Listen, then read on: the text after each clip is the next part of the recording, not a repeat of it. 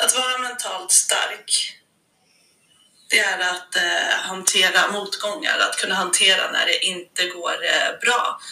När man eh, har negativa känslor, blir arg, blir eh, stressad, irriterad eller ledsen. Det är ju väldigt lätt att spela tennis när det går bra och fortsätta spela sitt spel och vara offensiv och eh, positiv. Men eh, det är när det inte går bra som det, som det är svårt. Och eh, som, eh, som Nadal säger är att eh, den största vinsten det är att eh, vinna över sig själv. Det tror jag mycket på. Vinna över sig själv i alla situationer.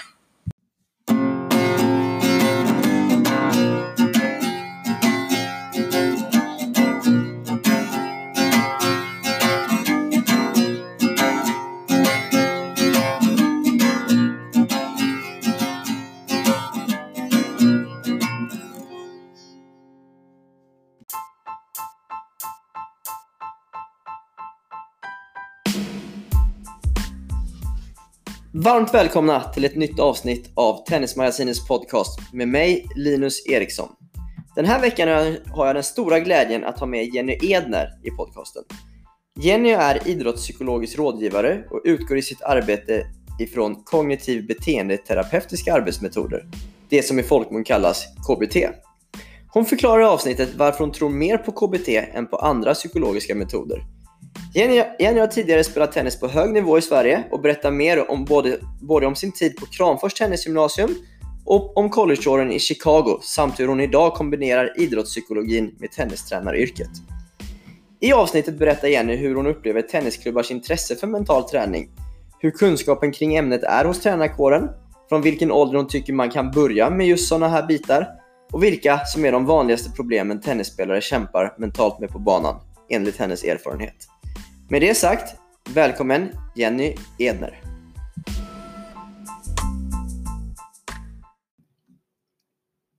Nu sitter jag i Salks tennishall med Jenny Edner. Välkommen till podcasten.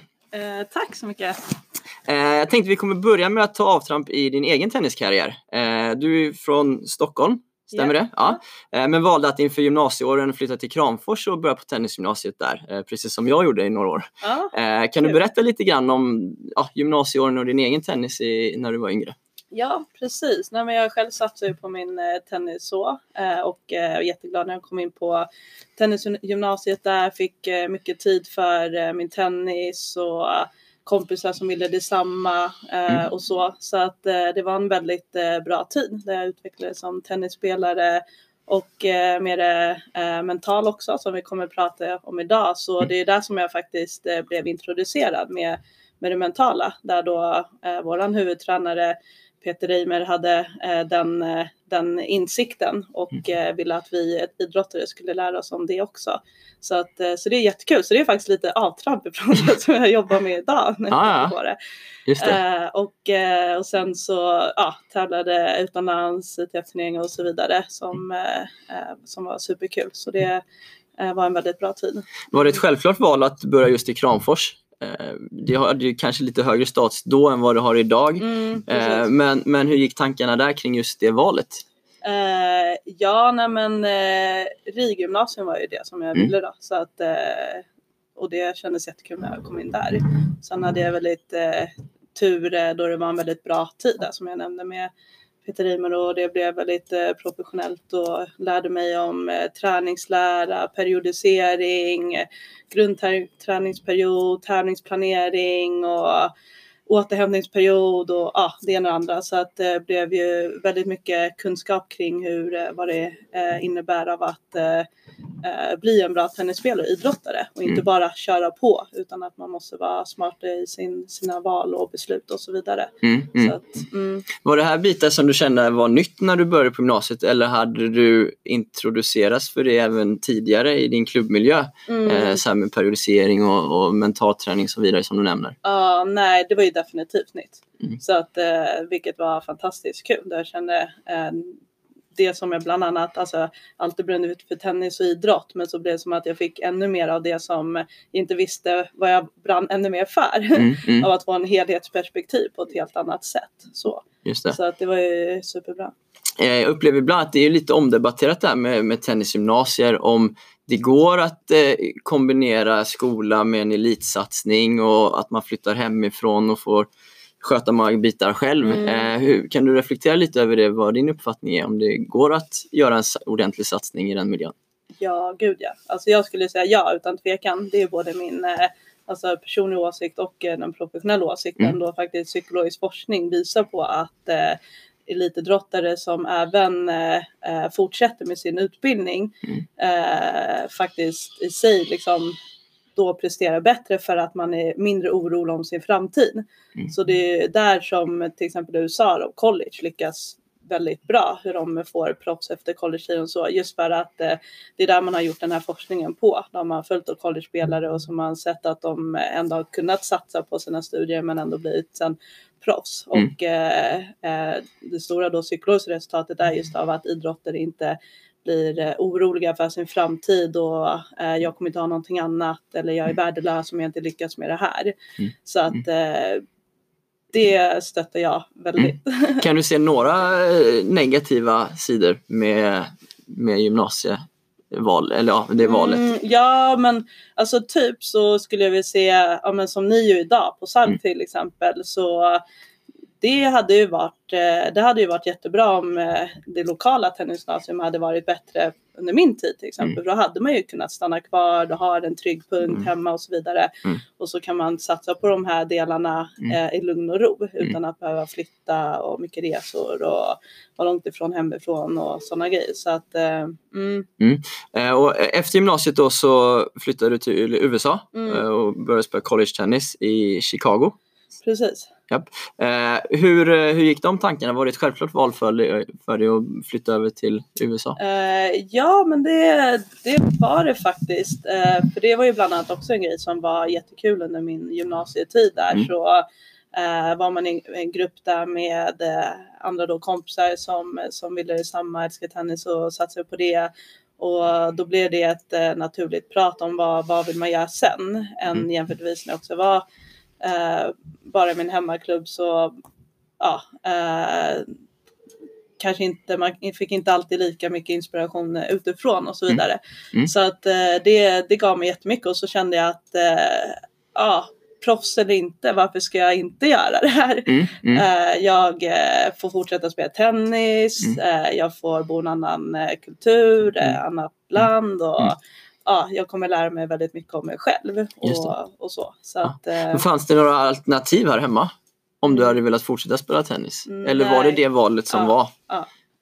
Just det. mm. Eh, och vilken skola var det du hamnade i? Eller på? Eh, Northern Illinois University NCAA div- division 1 då. Så, Mm. Mm. så, det, så det var ju jättekul. Hur eh, bestämde du dig för just den skolan? Vilka bitar tyckte du var viktiga i det valet? Mm, där var det ju, det var ju mest med alltså, kontakter. Ja. Eh, så. Min eh, hemmatränare där hade någon kontakt där och så den där. Så, så att eh, ja, det Kä- var ju så det, Kände du att åren blev som du hade tänkt dig? Var det en bra tid? ja, det var jättebra tid. Alltså Mm. idag är jag alltså, hur tacksam som helst att jag gjorde det. Ja. Så att jätteglad. Så att eh, det är som människa men sen så även det som jag jobbar med idag. Jag kan Ja. bidra med eh, vad ungdomar som jag pratar med i psykologisk rådgivning, Mm. deras framtid eh, Mm. kan bli och vad de kan göra och så vidare. Så att då Mm. har jag ju de, eh, de insikterna och erfarenheterna själv. Eh, så verkligen, det Mm. Var en väldigt bra tid. Du sa att eh, ditt intresse för idrottspsykologin väcktes lite i, i Kramfors. Var det Mm. någonting du kunde bygga vidare på i USA sen eh, under de Mm. åren? Ja, eh, där hade de ju en eh, psykolog kopplat till alla idrotter då, då på colleget. Men, eh, men det var inte så att det var kontinuitet i det. Eh, Mm. vi hade någon gruppträff med eh, hela tennislaget då, med den här idrottspsykologen. Mm. Men det var inte så att så här, det var i schemat så att eh, där kunde det väl bli ännu mer Mm. utveckla sig. Men däremot så inspirerar mig jättemycket att de hade den. Mm, mm, Så att eh, som vidare så som jag ser det idag hur eh, ja, jag vill finnas tillgänglig för klubbar. Att Mm. det finns en idrottspsykolog som eh, eh, på plats och eh, att man inte behöver vart ska jag hitta den och söka efter den och så. Mm. Det tycker jag att de eh, gör jätte, jättebra. Mm. Sen är det så otroligt stort så att det vill bara göra med att det inte räcker med en idrottspsykolog Ja. till alla, Ja. alla Hur mycket, hur mycket tid kunde ni få med den då? Eller hur mycket?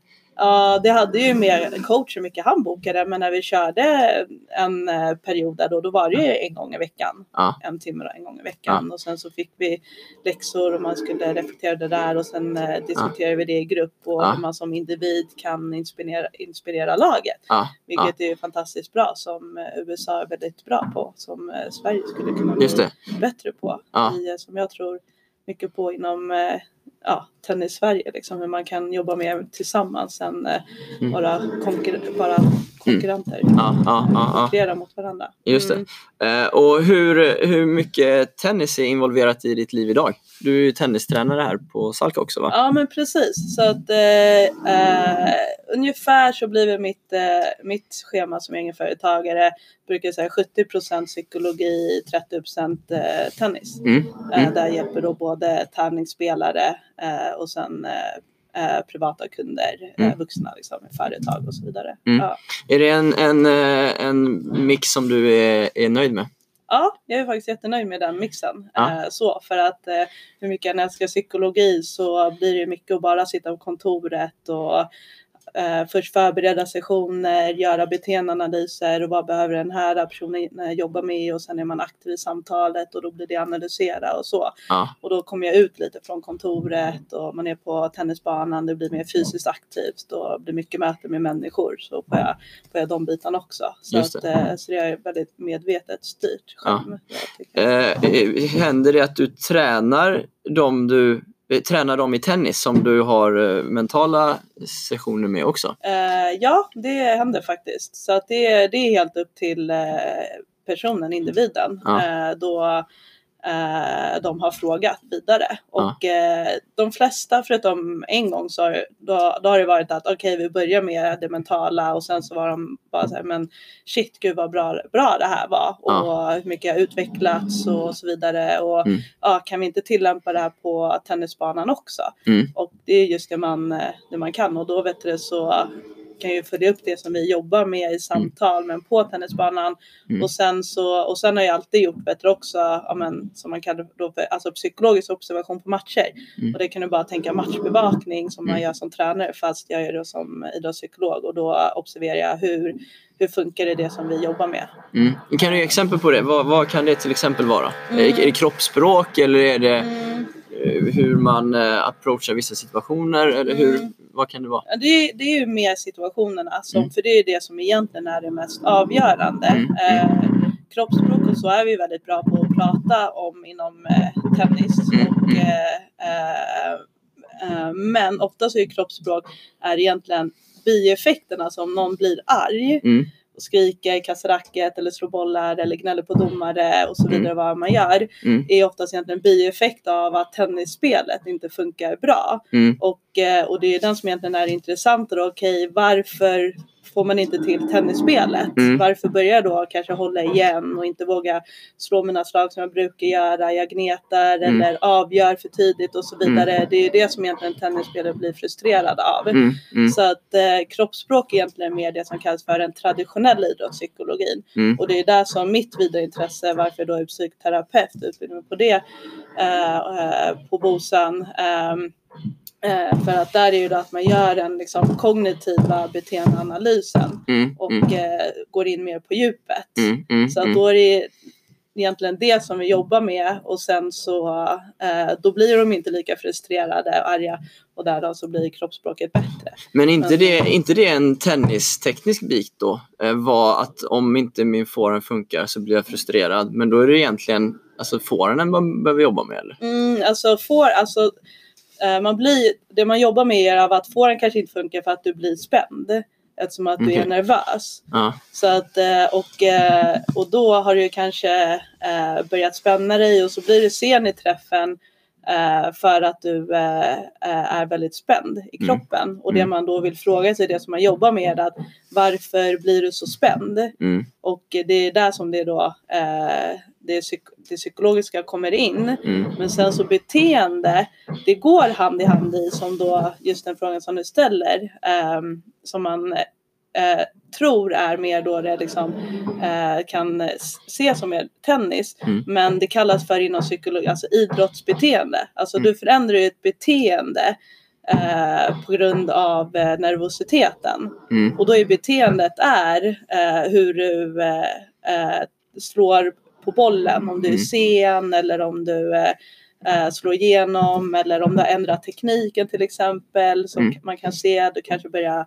slicea på grund av stressen. Mm. Och då så vet du, det är det som kallas för flyktbeteende. Mm. Mm. Så då vet du, okej men jag vill slicea för att jag inte vill förlora. Mm. Mm. Och då, måste, då frågar du sig varför är du så rädd för att förlora? Mm. Så Mm. att det slaget har egentligen blivit ett flyktbeteende. Mm. Jag är med. Men, men kan det ibland, eh, jag tänker, ibland kan det kanske också vara att du bara behöver bli bättre på din forehand. Ja, Eller? och det, det är det här som är så kul. För när man jobbar då med, eh, med idrottare så blir de eh, eh, expertiser på det här själv. Hur man Ja. kan bör- börja förstå. Aha, okej, var det det psykologiska som tog över nu? Mm. Eller var det det tekniska? Eller var det det fysiska? Mm. Mm. Så att, eh, och det är det här som man vill att en idrottare eh, ska bli eh, bäst på att kunna analysera. Mm. Och det jag skulle säga är att vet du, man inte förstår när det är det psykologiska som har tagit, efter, av, tagit över. Så att vi tror att det är bara tennisen och därav då så träna lite mer, mata lite mer korgar Ja. och så vidare. Ja, Men ja. det är egentligen de här bitarna. Just det.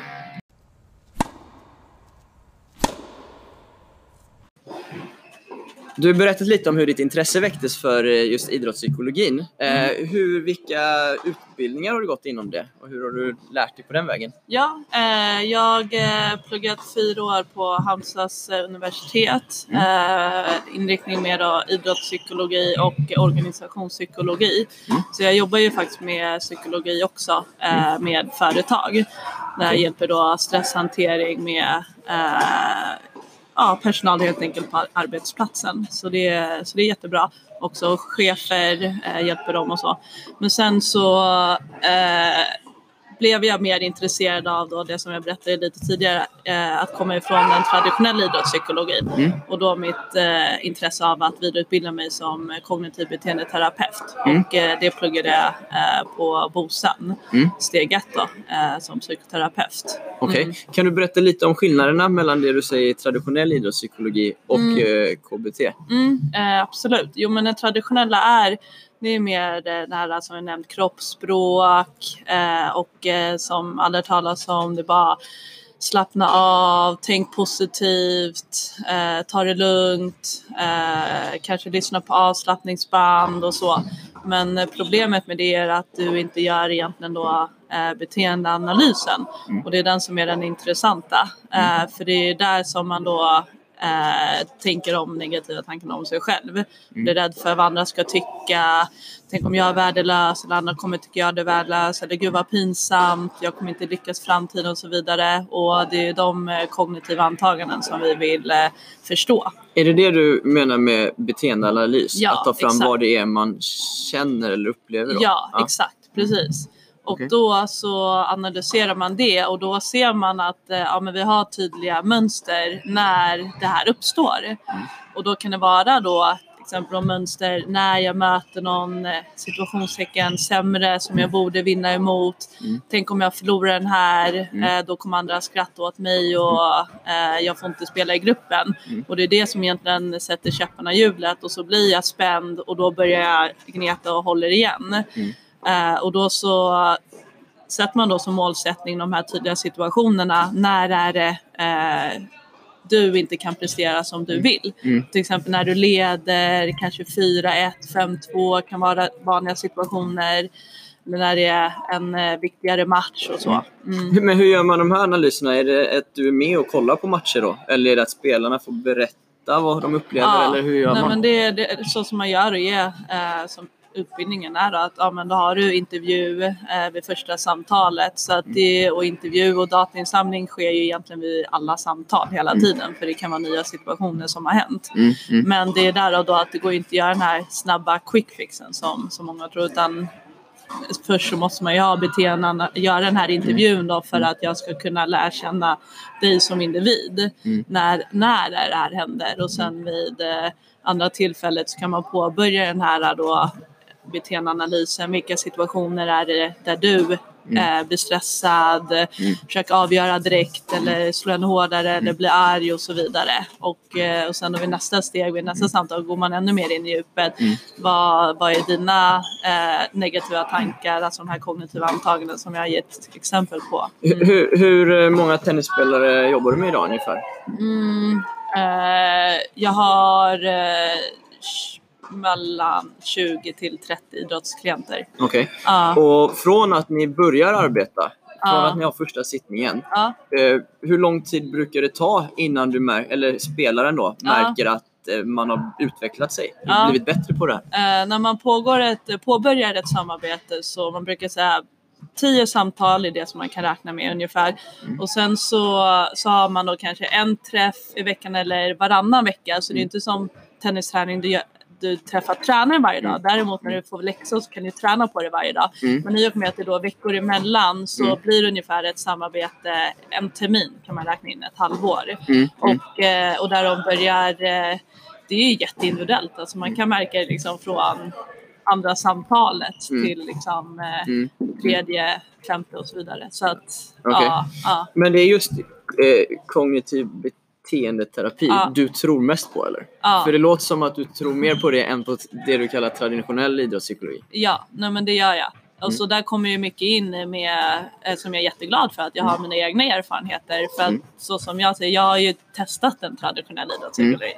Är Heter det traditionell? Ja, Ja, okej. eh, så. Mm. Så att, eh, och eh, Men går det inte att kombinera dem då? jo, Mm. absolut, det gör det. Och det är det som Men är det är inte jättekul. lika bra som att fokusera helt på KBT eller? Eller är det bra att kombinera också? Ja, det är bra att kombinera. Det som är jättekul är ju, alltså så här, alla kommer ju med, med, med något problem. Det här funkar inte, varför inte då? Mm. Och alltså, jag skulle säga att jag inte varit med om något fall, men jag säger 9 av 10 fall då liksom, så är det alltid, ah okej, det är den här äh, prestationsångesten, värdelös och så vidare. Eh, som, eh, som man då måste använda KBT där den traditionellt funkar. För att det hjälper inte att bara lyssna på ett band och andas och ta det lugnt för att du har inte löst någonting. Okej. Men sen när vi har löst det här, Ja. då, då är det jättekul. Då kan vi lägga till eh, traditionella Men är det liksom, inte rutiner och så vidare. Ja. Är det inte synd att man inte kan komma och säga att jag har inget problem men jag vill ändå bli bättre? Jo men absolut, det kan man göra. Eller Och det, sker, sker det fakt- eller? det fi- Ja det sker faktiskt, det gör det. Eh, men det är ju det är mer sällan så att säga. Det är ju mer att så här, det här har pågått ett tag, nej men nu måste jag ta tag i det. Men absolut, alltså det är ju min, eh, det är det som är mycket min drömvision som jag försöker, som jag kämpar för inom tennisvärlden. Så är det alltså hur vi kan börja med enkla saker. Mm. Man kan verkligen göra det från 10-12 års ålder Mm. och bara våga prata om saker. Ja, men, eh, när du blir ledsen när du missar den där bollen så kan du tänka så här istället. Mm, Och, mm, och det är inte så farligt och det har jag ju märkt. Ju yngre jag jobbar med ju snabbare är de ju på att ändra. Mm. Och det är ashäftigt. Eh, av, av din egen erfarenhet nu då, vad, vad är de vanligaste mentala, om vi kallar det problemen som tennisspelare brottas med? Ja, ja, men det är lite de exemplen jag har nämnt där med av att eh, man gör det här misstaget, du är rädd för att förlora mot den här som jag borde vinna emot och Mm. då så börjar jag tänka att jag är värdelös eller gud vad pinsamt, vad ska andra tycka eller eh, jag kommer inte eh, lyckas och man blir rädd för att man kanske blir också orolig vilka som kollar på matchen, eh, vilka tränare är med och så vidare.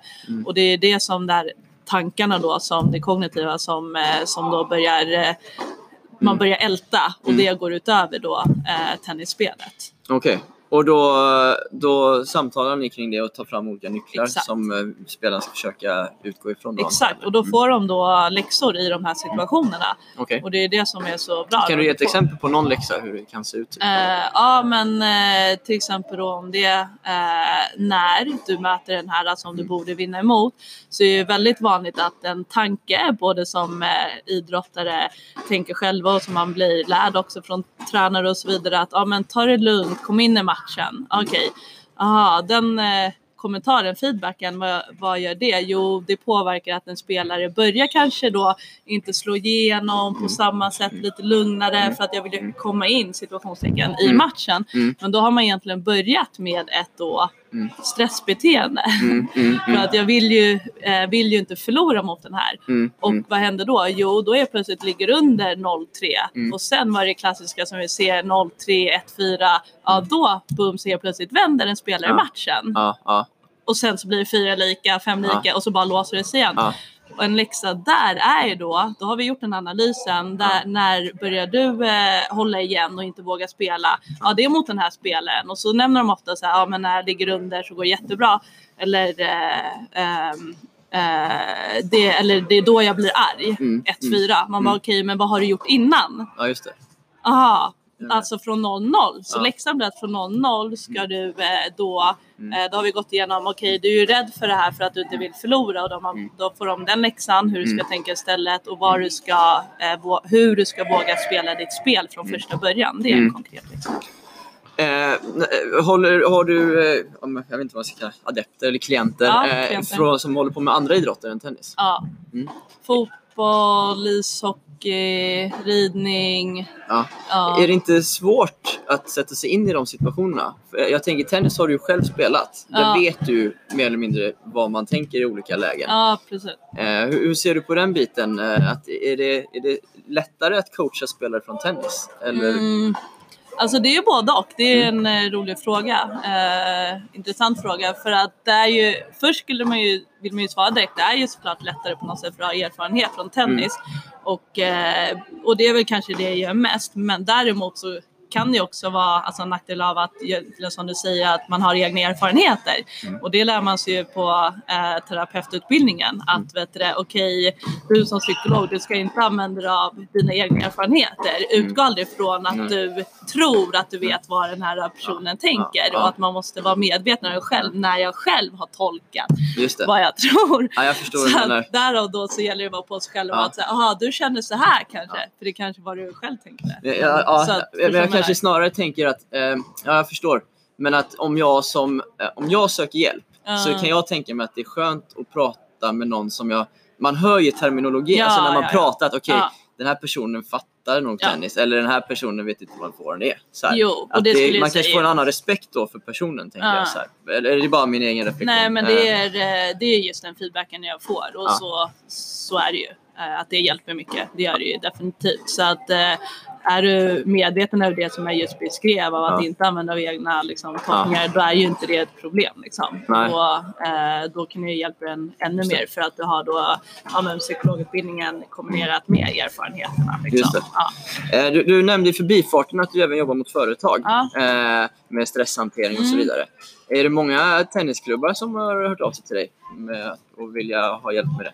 Eh, ja, så jag håller ju föreläsningar i idrottsklubbar Mm. eh, också. Eh, För, för anställda eller för spelarna? Då? Nej, då är det för spelarna. Så det är alltid för spelarna. Sen har jag gett förslag flertal gånger. Vi Ja. kan ha det för tränare, Ja. eh, tränarna och eller eh, sportchefen och så Ja. vidare. Men där ligger idrottsvärlden lite eh, För det är, många, efter skulle jag säga. det är många tennistränare jag hör som klagar på att det är så stressigt och mycket att göra. Ja, det är det ju. Det är Det kanske jättemycket. går att jobba med då? Gud, ja absolut. Det är just det det går.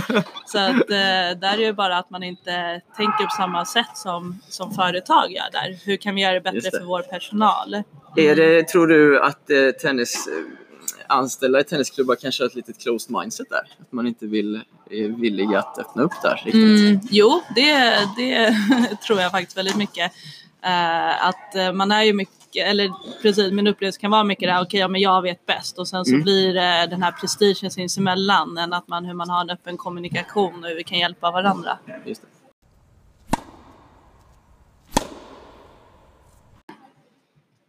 Hur stort intresse upplever du att det finns för idrottspsykologi inom just tennisen i Sverige? idag? Ja, nej men, eh, jag upplever att det blir större och större hela tiden och att man förstår eh, vikten av det. Så det är jättekul, eh, verkligen. Eh, och eh, det är att det ibland ändå är sista steget, så här, man tycker det är intressant. Så många pratar om det, Mm. men man kommer aldrig till steget att jobba med det. Eh, och där skulle jag säga att vi har ett eh, sista steg att utveckla och Ja. att jobba med det oavsett ålder som jag nämnde, hur man kan börja med det på ett väldigt enkelt sätt och att det inte är farligt som många tror. Utan det som egentligen situationstecken är farligt är att du börjar få prestationsångest vid 12 års ålder och sen väntar du till 16. Då har ju den personen behövt eh, vara arg i Ja. fem år. är Nej, men förstår du menar? Det är Ja. jättejobbigt. Ja. Gud, det är just det det är. Varför ska vi vänta för? Ja. Från vilken ålder kan man börja då? Är det från 12 eller är vad skulle du säga? Ja. det, det är ju eh, mognad. Jobbat med någon som är 11 lite och sådär men eh, det, det är mognad. Men eh, ja, man säger ju att om man då ska lite forskning så här, frontala cortexen när vi får mer då liksom sociala, socialt konsekvenstänk är mellan 10-12 års ålder. Så det är där man väldigt tydligt ser att det börjar då egentligen börja utveckla sig. Så kan man fånga upp det där, att inte då gå in på liksom fel spår Just det. då, Ja. ja. det ser jag skulle vara bra. Du nämnde att du upplever att ändå folk är medvetna om att det kan vara en bra grej med idrottspsykologi och att det behövs och, och vikten av det. Men, är det. men att det sista steget är svårt att ta för många. Är det, Mm. upplever du att det är spelare eller tränare eller föräldrar eller vad Mm. beror det på att inte Mm. fler tar det sista steget? Mm. Nej, men det upplever jag att det blir ju ett samspel av att spelaren kanske inte vågar ta det steget för att eh, hur samtalet går bland tränare i gruppen. Mm. Så. Och eh, då är, de säger att de är öppna men man ändå på banan kanske skojar om det och varför förlorar mot honom eller henne och så haha och så garvar man och sådär. Mm. Men som inte är menat på något kanske elakt sätt men som kan bli då lätt att man eh, då eh, inte vågar ta tag i det. Mm. Så att eh, mm,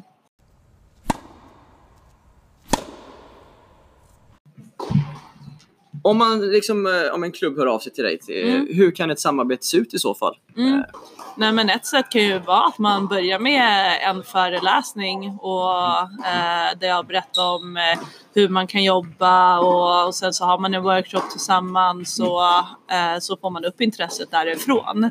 Och, eh, och sen därifrån så brukar det ofta vara någon som hör av sig efter, eh, efter jag varit där. Så att då, då visar ju klubben att de är öppna för det här. Eh, har en föreläsning och tränarna är med, jätteviktigt tycker jag. För ibland kan det vara att de, ja men nu går jag ut och gör det här. Då visar man ju egentligen mer closed så, Mm. stängt eh, minded. Så att det är ju bättre, då är de med och eh, diskuterar och det är otroligt bra. För då vet ju de också vad eh, jag, vi har, har pratat om. Mm. Och sen så, så får idrottarna veta att de kan kontakta mig privat om de känner individuellt behov.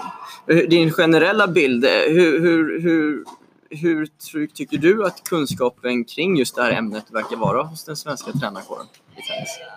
Ja, sådär. Sådär. ja. Okej, för ibland, och det, jag har själv varit där också, så har jag ju Ja. tänkt, ja men hur, någon har frågat hur jobbar ni med idrottspsykologi? Men Ja. ja men vi jobbar med det varje träning på banan. Eh, Kan det verkligen stämma tänker jag? Eller behövs det inte liksom en extern grej också? Jo, det tycker jag. Mm. Ja. Okej. Eh, en, annan grej som jag ibland eh, hör liksom spelare när man pratar om ämnena är att man säger att det passar inte riktigt alla. Eller det passar, jag testar men det passar inte mig. Mm. Eh, hur, hur kan du reflektera lite kring det? För kanske handlar inte det mer om hur man har arbetat med det i så fall? Eh, Ja, precis. Mm. Alltså det är en intressant fråga för det kan ju vara så att man säger det passar inte mig för att man bara inte är medveten om sina känslor och tankar och så vidare. Ja. Att man inte har förstått att det kan vara bra för mig. ja, Så ja. ja, Så du tror, eh, eh, så kan alla spelare ha nytta av att jobba med det på något sätt? Ja, alltså alla är vi ju människor. Mm. Så att det är ju det som man egentligen bara jobbar med. Hur reagerar jag när jag blir stressad eller arg? Och Mm. kan vi förstå det? eh, då, blir vi, då blir vi inte lika stressade för att vi blir bara stressade också av att bli stressade. och så blir man orolig inför det. Tänk om Ja. jag inte kommer lyckas nu. Ja, Så. ja, Och det är ju det det egentligen bara handlar om. Just Det är ju inte mer farligt än så. Nej. Nej, jag med. Eh, och du sa att liksom, vi är bara människor. Eh, om man går in på eh, liksom, föräldrabiten till exempel. Ja, Eh, är, Mm. är det ett område där man också skulle kunna ha nytta av att Mm. utbilda mer? verkligen. Där skulle man kunna göra jättemycket jobb också. Hur, som jag nämnde, det är ett samspel. Hur man skulle kunna få ihop samspel med tränare, föräldrar och eh, spelare. Och få, man utbildar tränare i de här bitarna också. Och sen så visar en tydlig tråd för föräldrar. Så här jobbar vi. Hur Mm. vi eh, både med tennis och psykologi och hur vi tillämpar det. Så eh, känner ju sig ofta då föräldrar mer trygga med det och så Mm.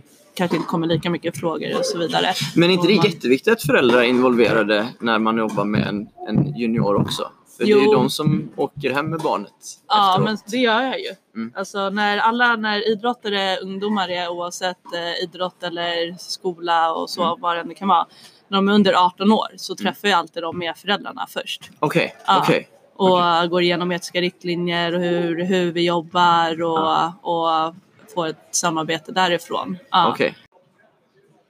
Och efter att du har sessioner eh, med spelarna, om det nu är via liksom, att ni ses eller om det är på andra sätt, har ni någon dialog mellan träffarna också?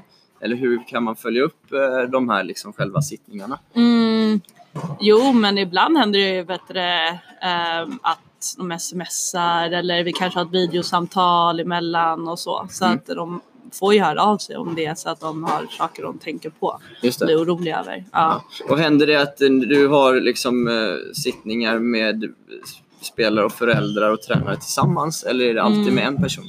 Det är, det är alltid personer som det är, eh, som är fokus på. Men om det är så att det behövs Mm. eh, så har jag haft samtal med föräldrar, med tränare separat eller liksom de, alla vi tillsammans. Men Mm. det är alltid utifrån, är det okej för dig? Vill du det här, alltså klienten? Ja, ja. Och skulle det inte vara det så då gör vi ju inte det. Okej, Ja. okej. Men, men, eh, hur mycket har föräldern att säga till om det då? Om föräldern säger det är jag som betalar, jag vill vara med. Mm, alltså där, då går man ju mer ut efter om det är så att Simon skulle ha en ätstörning eller så, att det Ja. blir mer kliniskt. Då måste jag höra av mig till föräldrar. Okej. Men eh, om det inte är det, då är det upp till klienten. Ursäkta gänget att jag stör mitt i avsnittet, men jag vill bara uppmärksamma alla om att i nästa nummer av det svenska tennismagasinet, nummer fyra i år, så har jag med en artikel som angränsar till det här ämnet som handlar om just mental träning och mental styrka. Och där ger Jenny lite fler konkreta tips på hur man kan jobba med just de här bitarna, både på och utanför tennisbanan. Så kika in det om ni är intresserade. Nu tillbaks till avsnittet.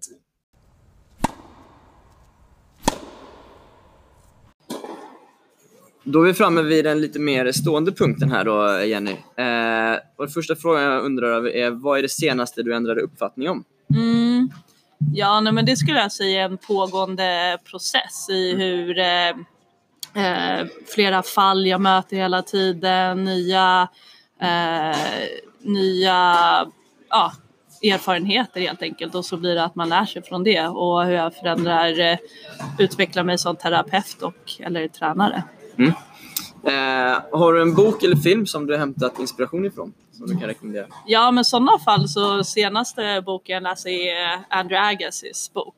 Okej. Eh, den tycker jag. Ja. Den var jättebra så det är Ja. kul. Sen eh, tycker jag att de skulle ha gått ännu mer Ja. i det psykologiska Såklart. djupet såklart. Eh, Där finns ju ganska mycket att gräva i Ja, säkert. exakt. Det gör det. För där, det har vi faktiskt inte alls nämnt. Men som är jätteintressant så tänker på att hans liv var ju väldigt destruktivt. Så Mm. som Mm. ja, eh, jag ser när man läser det i relationer och både sin till pappa, tränare och sen flickvän Mm. innan eh, ja, han är lycklig nu då med Graf och så vidare. Och eh, det är ju också en jättestor del. Det behöver ju inte alls vara att man kanske jobbar med tennisen. Det är inte Mm. där kanske prestationsångesten ligger när jag också jobbar med klienter utan det kan ju vara Just relationer som påverkar Ja. eh, som jag jobbar jättemycket med också. Så att eh, mm, Ibland, ibland eh, byter jag spår här lite, men, men eh, jag hör ju ofta att det är så viktigt att, det ska vara, att allting ska vara väldigt kul. När man, det ska vara kul att spela Mm. tennis vid sidan. Men, Mm. men Agassi fick inte jag bilden av att han alltid tyckte det var så kul när han var Mm. ung med sin, ja, mm, när de stod där med Mm. bollmaskinen och så vidare. mm. Eh, om det kommer någon som inte tycker det är så kul med tennis till Mm. exempel, eh, går det liksom att jobba med att förändra den biten? Eller rekommenderar du att du borde göra något annat? Eh, man ställer faktiskt båda frågorna. Ja. Så, eh, först så Ja, nej men först eller samtidigt så jobbar man med det av att eh, se det här kognitiva analysen som jag berättat om. Ja. Det kan ju vara så att de inte tycker det är kul för att det blir för många matcher där man känner att man borde vinna det här och då får man den här prestationsångesten Mm. och att det kan vara det som är underliggande varför man Mm. inte tycker det är kul. Och Mm. kan man jobba med de här eh, Mm. bit, bitarna och knyta, knyta upp det Mm. eh, då, då känner man inte lika mycket prestationsångesten Mm. och då blir det ju mer kul. Just Men det. sen om det är så att eh, man fortfarande inte kanske gillar tennis utan det kanske är på grund av ens föräldrar som man känner Ja. att man måste spela. Ja. Då, är, då är det ju kanske svaret att göra någonting annat. Och, och det är Ger du det rådet då? Man ja, har den öppna dialogen, Ja. absolut. Okej. Alltså, ja, för att det är jätteviktigt. Det, det är ju en psykologisk oro som den personen tänker på. Hur vill jag göra min framtid och om jag vill plugga eller jobba och så vidare. Och då Mm. så vågar man prata om det och sen kanske, men du kanske kan göra det här samtidigt. Mm. Varför inte? Mm, mm. Så, Ja, är ja, det, det är sant. Det är, det är ingen som har sagt. Det, det får jag ju inte. Typ. Nej, nej. Man bara, ja. Och så är det egentligen det som blir problemet. Ja. Ja. Eh, nästa fråga. Vad anser du är mest bortkastad tid kopplat till tennis? Mm, eh, ja, så då skulle jag säga att om det är så att man har de här tydliga sakerna som man skulle behöva jobba med Mm. och så blir det att eh, tränare och idrottaren, personen bara kör fler tennistimmar. Mm. Jag ska bara hitta känslan till exempel. Mm, mm. Men sen helt plötsligt boom så kommer matchen och sen så står man och skakar och blir jättespänd liksom. Mm. Eh, då spelar det ingen roll hur många extra timmar du har stått och slagit för att hitta en bra känsla. För Mm. att det kommer ändå, du kommer alltid få den här prestationsångesten ändå. Och då är det helt enkelt eh, gå och ha en timme ett samtal istället. Ja. Ja, men då blir det jättemånga bortkastade timmar. ja, just det. Ja. Ja. jag är med. Eh, och sista frågan här då, Jenny. Varför tror du att svensk tennis har tappat i den internationella konkurrensen och vad ska vi göra för att ta oss uppåt igen? Mm, eh, mm, kul fråga. Eh, där kan man ju börja eh, analysera redan från yngre ålder. Eh, så att jag tycker att där så kanske man borde ha, det är jätteviktigt att ha med det här glädje och kul som vi pratar om, men sen att eh, även där börja lite mer röd tråd och inte bara låta timvikarie och så vidare och ja, så att det inte alls blir någon röd tråd i det och då kanske tekniken försämras och man får inte den här tryggheten någon att prata med och man blir stressad eller orolig och så vidare. Att värdera redan från yngre ålder. Och sen när jag jobbar med dem på touren och sådär så har jag ju sett liksom att det är mycket som redan börjar i yngre ålder också men att man eh, ser varandra mer som konkurrenter kanske än eh, hur man kan hjälpa varandra och där tror jag att tennisen har jättemycket att lära som eh, landslaget i eh, ehm, längdskidåkning jobbar mycket med. Det är eh, alltså grupppsykologi, hur vi kan finnas där för varandra. Okej. Ja, och jag tror ju det är, det är inte en slump att de är Nej. så grymma. Det. Utan eh, de har ju lärt sig mycket av det. Hur man då eh, hejar på varandra och man gläds lika mycket åt att eh, en annan eh, person vann den där tävlingen och kanske inte jag. Mm. Men eh, så upplever jag ju kanske inte det där inom tennisen. Och där tror jag att man skulle ha mycket att lära. Tänker du i klubbmiljön då eller i landslagsmiljö? Både och. Vi måste börja eh, på klubb eh, och sen vid, fortsätta vid, jobba med det i landslags Mm. också. Liksom. Är det någonting du upplevde själv som spelare att det hade kunnat vara bättre? Ja, ja. Det, det tycker jag. Och sen så jättetydligt eh, när jag äldre idag, mer erfarenheter och utbildning och allting så förstår man ju det ännu mer och hör det från klienter jag jobbar med i samtal. Just det. Eh, Jenny, det här var väldigt trevligt. Eh, innan Ja, vi avslutar, eh, om någon vill komma i kontakt med dig, var Mm. kan man nå dig då? Ja, men jag har min hemsida, mitt företag det heter Your Performance. Mm. Så du kan bara googla Jenny Edner eller Your Performance, min hemsida. Eller mejla mig, jennyedner.gmail.com eller ja, Just det. ringa mig på min mobil helt enkelt. Då tackar jag för att du tog dig tid. Ja, tack själv!